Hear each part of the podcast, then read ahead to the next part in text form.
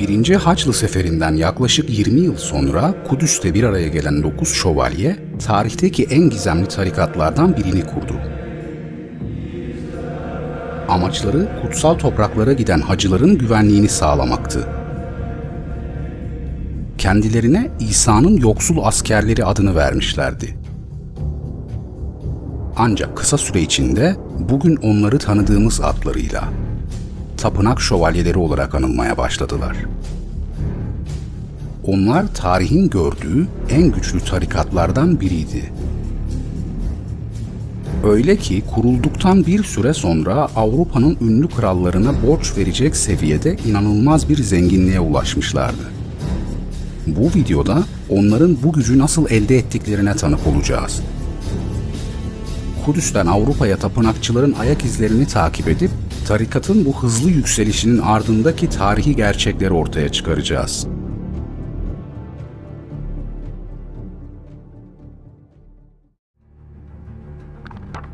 ...15 Temmuz 1099 tarihinde Kudüs'ün Haçlılar tarafından ele geçirilmesiyle sona eren 1. Haçlı Seferi sonucunda Orta Doğu'da dört ayrı Haçlı devleti ortaya çıktı. Bunlar Urfa Kontluğu, Antakya Prensliği, Trablus Kontluğu ve Kudüs Krallığı'ydı. Ancak bölgede yeni yeni ortaya çıkan bu siyasi yapı askeri açıdan oldukça kırılgandı ve Latin krallıkları kurulduktan yıllar sonra bile iç asayiş tam olarak sağlanabilmiş değildi. Şehrin ele geçirilmesinin ardından bölgedeki Müslümanların bir bölümü Kudüs'ün etrafındaki tepelere ve civardaki mağaralara yerleşmişlerdi. Bu durum zaman içerisinde Kudüs Krallığı için büyük bir problem teşkil etmeye başladı. Hristiyan hacılar tarafından kullanılan Yafa Kudüs ve Eriha Kudüs güzergahları sık sık bu Müslümanların saldırısına uğruyordu. Buna bir çözüm olarak bu dönemde hacıları korumak ve çeşitli ihtiyaçlarını karşılamak amacıyla birkaç tarikat kuruldu. Bunlar içerisinde kuruluşunun ardından çok geçmeden dağılıp tarihin tozlu sayfalarına karışan kutsal kabir şövalyeleri ve hacıları karşılayıp sağlık durumlarıyla ilgilenen hospitalier şövalyeleri vardı. Ancak bu iki tarikat hacıların güvenliğinin sağlanması konusunda yetersiz kaldı ve 1120 yılı civarına gelindiğinde Müslümanların haç yollarına düzenledikleri saldırılar iyice artmış durumdaydı.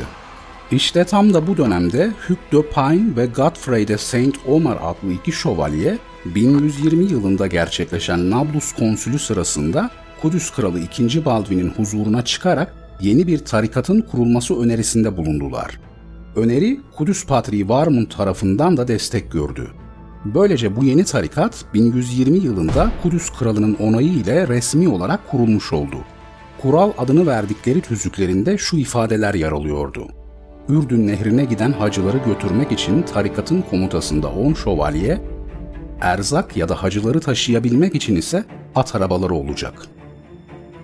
Kendilerine Pauperes Commilitiones Christi yani İsa'nın yoksul askerleri adını vermişlerdi.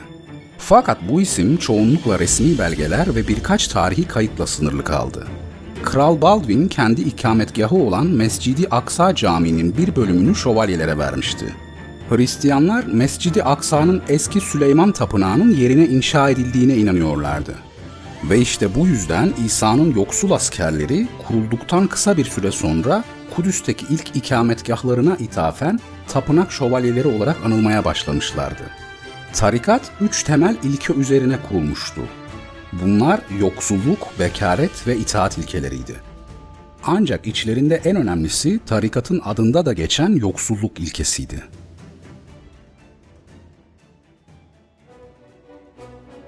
Gördüğünüz bu resim tapınak şövalyelerinin erken dönem sembollerinden biri bir atın sırtına binmiş iki şövalye. Bu sembol tarikat üyelerinin yoksulluğunu ve sade yaşantısını simgeliyor. Peki tapınak şövalyeleri gerçekten de bu kadar yoksul muydu? Bunu cevaplamak oldukça zor. Çünkü tarikatın kurulduğu döneme ilişkin birçok şey günümüzde hala muamma. Örneğin kaynakların büyük bir bölümü 9 kurucu üyeden bahsediyor. Ancak yalnızca 8 isim veriyorlar. Bunlar Hugh de Pine, Godfrey de Saint Omar, Pine de Montdidier, Archambault de Saint Amand, André de Montbard, Geoffrey Bisson, Rossal ve Gondamer adındaki şövalyeler. Birçoğunun geçmişleri tarihin tozlu sayfalarında silinip gitmiş. Yani tarikat öncesi yaşantılarında yoksul olup olmadıklarını ya da tarikat kurulduktan sonra bu ilkeyi nedenli benimsediklerini kestirmek mümkün değil. Ancak sıradan birkaç adamın Kudüs kralının huzuruna çıkarak yeni bir tarikat kurma önerisinde bulunması pek mantıklı görünmüyor. Bu yüzden tarihçiler şövalyelerin benimsedikleri yoksulluk ilkesinin aslında yoksul Hristiyanların sempatisini kazanmak, desteğini temin etmek ve ilerleyen yıllarda tarikata yapılacak olan bağışlar için zemin hazırlamak amacıyla ön plana çıkarıldığını öne sürüyor. Bununla birlikte şövalyelerin tarikatın kurulduğu ilk yıllarda yoksulluk ilkesine gerçek manada bağlı olduklarını iddia eden tarihçiler de var. Bu iddia gerçek olsa bile tapınakçıların bu bağlılıkları çok uzun süreli olmayacaktı. Çünkü tarikat kurulduktan sonraki birkaç yıl içerisinde kendi üyelerinin dahi hayal edemeyeceği muazzam bir yükseliş yaşayacaktı. Ve bu yükseliş İsa'nın yoksul askerlerine büyük bir zenginlik getirecekti. Tapınak şövalyelerinin hızlı bir şekilde yükselmesinde rol oynayan birçok unsur vardı. Tarikatın fikirsel arka planı ve dünyevi misyonu dönemin en ünlü din adamlarından biri olan Clairvaux Manastırı başrahibi Bernard tarafından geliştirildi. Onun çabaları sayesinde tapınak şövalyeleri kısa süre içerisinde tüm Avrupa'da tanınan bir tarikat haline geldi. Aynı dönemde örgütün ilk büyük üstadı Hugh de Pine kariyer basamaklarını hızlı bir şekilde tırmanmaya başlamıştı. Hırslı ve akıllı bir adamdı. Dinamik bir karaktere sahipti kısa süre içerisinde Kudüs Kralı ve Patrick'le yakın ilişkiler geliştirdi. 1127 yılında Kral Baldwin adına diplomatik bir görev için Avrupa'ya gönderildi. İşte bu görev tapınakçıların kaderini sonsuza dek değiştirdi. Hugh Avrupa'da kaldığı süre boyunca içlerinde kralların da bulunduğu birçok soylu ve sayısız din adamıyla görüşme fırsatı buldu. Britanya'ya dek uzanan uzun yolculuklar yaptı ve tapınak şövalyeleri adına muazzam bağışlar topladı. Londra ve Edinburgh'ta tapınak evleri kurdu ve en nihayetinde Kudüs'e geri döndüğünde yanında Müslümanlara karşı düzenlenecek yeni bir sefere katılacak eğitimli ve tam teçhizatlı 300 şövalye vardı. Tapınakçılar bu faaliyetlerinin meyvelerini 1129 yılında gerçekleşen Troyes Konsili'nde topladılar. Bu konsille birlikte tapınak şövalyelerinin papalık tarafından resmi olarak tanınması, kuruluş dönemindeki örgütün hızlı bir şekilde yükselmesini sağladı.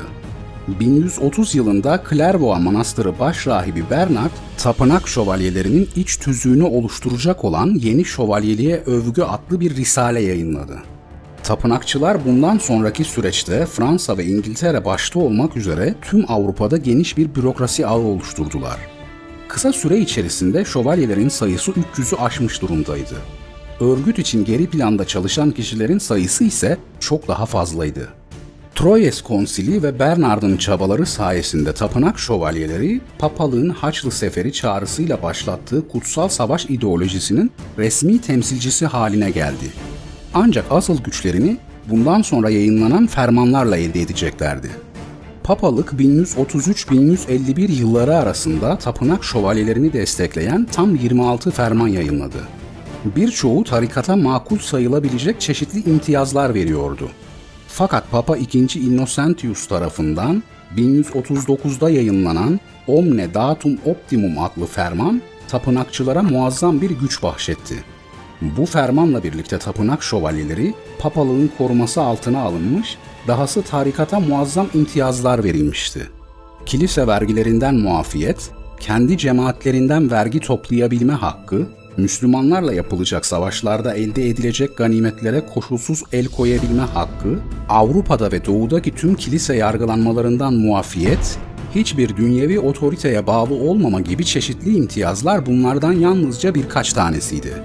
Öyle ki bu imtiyazlar sayesinde tapınak şövalyeleri gelecek 200 yıl boyunca Katolik Kilisesi'ne bağlı birçok bölgede papalığa bağlı özel bir devlet gibi hareket etme özgürlüğü elde edecekti.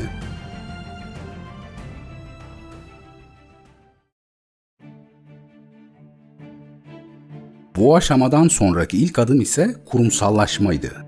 Örgütün sahip olduğu maddi ve manevi gücü kurumsal bir zemine oturtup elindeki zenginliği daha da büyütmesi gerekiyordu. Bunu yapabilmek amacıyla batıda ve doğuda çok sayıda tapınak evi inşa edildi. Tapınakçılar bu yolla kısa süre içerisinde tüm Avrupa'yı ve Haçlı krallıklarını kapsayan geniş bir ağ oluşturmuşlardı. Tapınak evleri bir arazi üzerinde birbirine yakın şekilde inşa edilen birden fazla binadan oluşuyordu. Genellikle önemli şehirlerde, stratejik bölgelerde ya da ticaret güzergahları üzerinde inşa ediliyor ve çok fonksiyonlu olarak işlev görüyorlardı. Seferberlik döneminde Haçlılara para, silah, at, gıda temininde bulunmak ve bunların transferini sağlamak evlerin öncelikli amacıydı. Bunun yanı sıra bankacılık sistemi ve hacıların kutsal topraklara nakledilmesi konusunda da önemli fonksiyonlara sahiplerdi. Kendilerine ait olan arazileri işliyor, belli malların ithalat ve ihracatını yapıyor, tarikat ideolojisini yayıyor Katolik Kilisesi adına Müslümanlarla savaşacak yeni askerler yetiştiriyorlardı. Kısacası tapınak şövalyelerinin tüm organizasyonu bu evler etrafında şekilleniyordu. Tapınak evlerinde bulunan tarikat üyeleri kendilerine ait araziyi ekip biçiyor, yün, seramik, et ve şarap gibi ürünler üreterek tarikatın para kazanmasını sağlıyorlardı. Buna ek olarak örgütün kontrolü altında yaşayan köylü ve çiftçilerden de vergi topluyorlardı.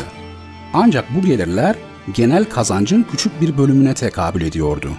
Tapınakçıların zenginliği büyük oranda savaşlarda elde edilen yağmalara, Avrupalı zengin soyluların tarikata yaptıkları bağışlara ve iyi organize edilmiş bankacılık sistemine dayanıyordu.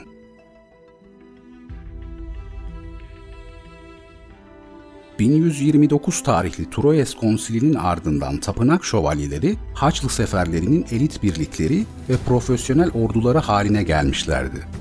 Özellikle 2. Haçlı Seferi itibariyle seferlerin büyük bir bölümünde etkin şekilde rol almaya başladılar.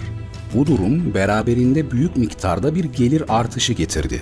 Müslümanlarla yapılan savaşlardan elde edilen ganimetlerin neredeyse tamamı tapınak şövalyelerinin kasasına giriyordu. Ayrıca sefer boyunca üstlendikleri lojistik hizmetlerden elde ettikleri kar da cabasıydı. Tarikatın bir diğer önemli gelir kaynağı Avrupalı zengin soyluların yaptıkları bağışlardı. Tarihçi Süryani Miha ile göre tapınakçılara katılacak olan şövalyeler örgüte tüm mal varlıklarını bağışlamak zorundalardı. Bu yolla tapınak şövalyeleri kurulduktan çok kısa bir süre sonra büyük bir zenginlik elde etmişlerdi. Ancak toplanan bağışlar bunlarla sınırlı değildi.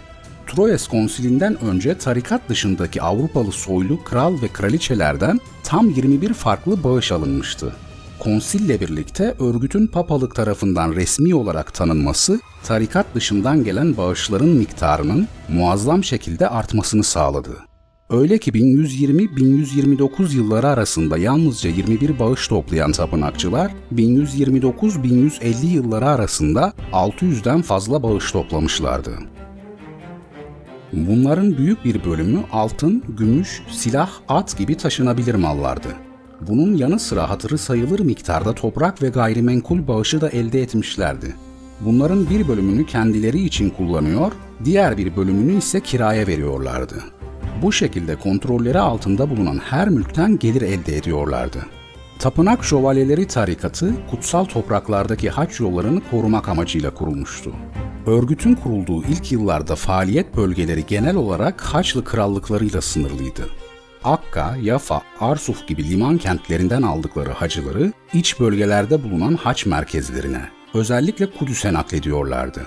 Ancak tarikat büyüdükçe bu korumanın kapsamı da genişledi. 12. yüzyılın ortalarına gelindiğinde tapınakçılar Avrupa'daki pek çok ülkeyi kapsayan geniş bir faaliyet alanına sahiplerdi.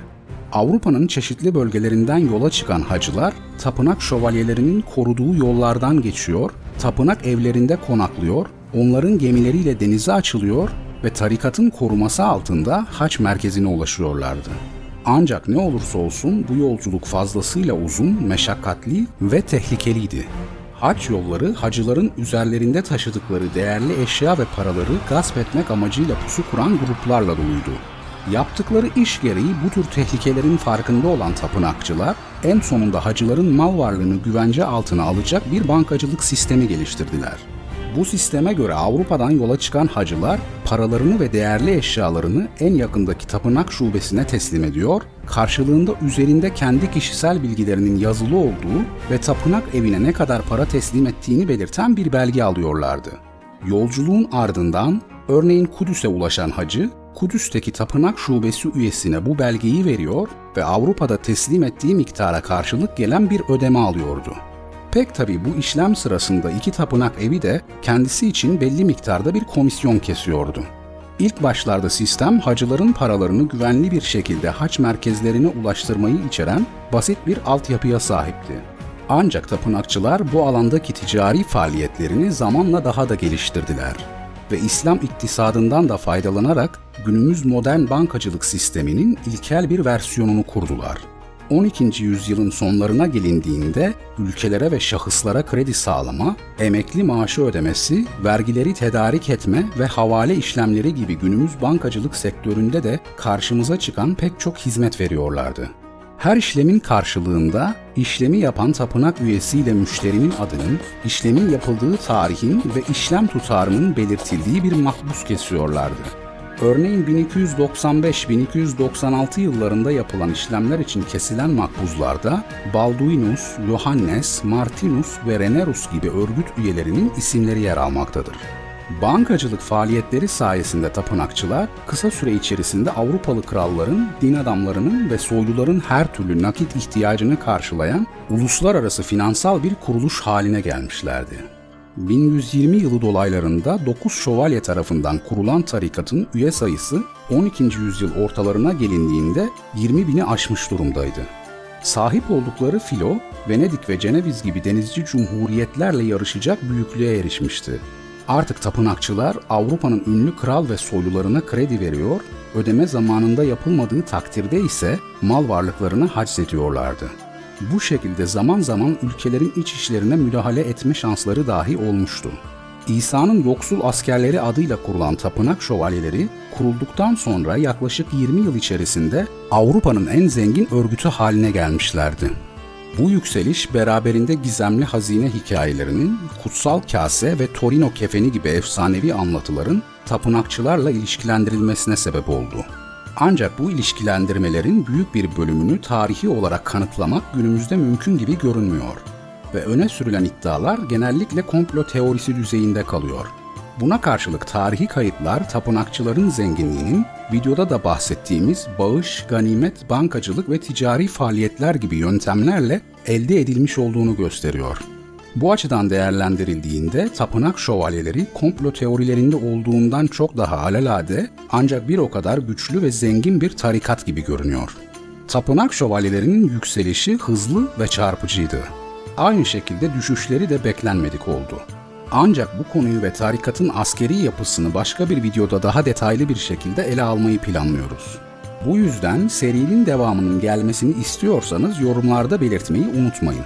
Bir sonraki videoda görüşmek dileğiyle.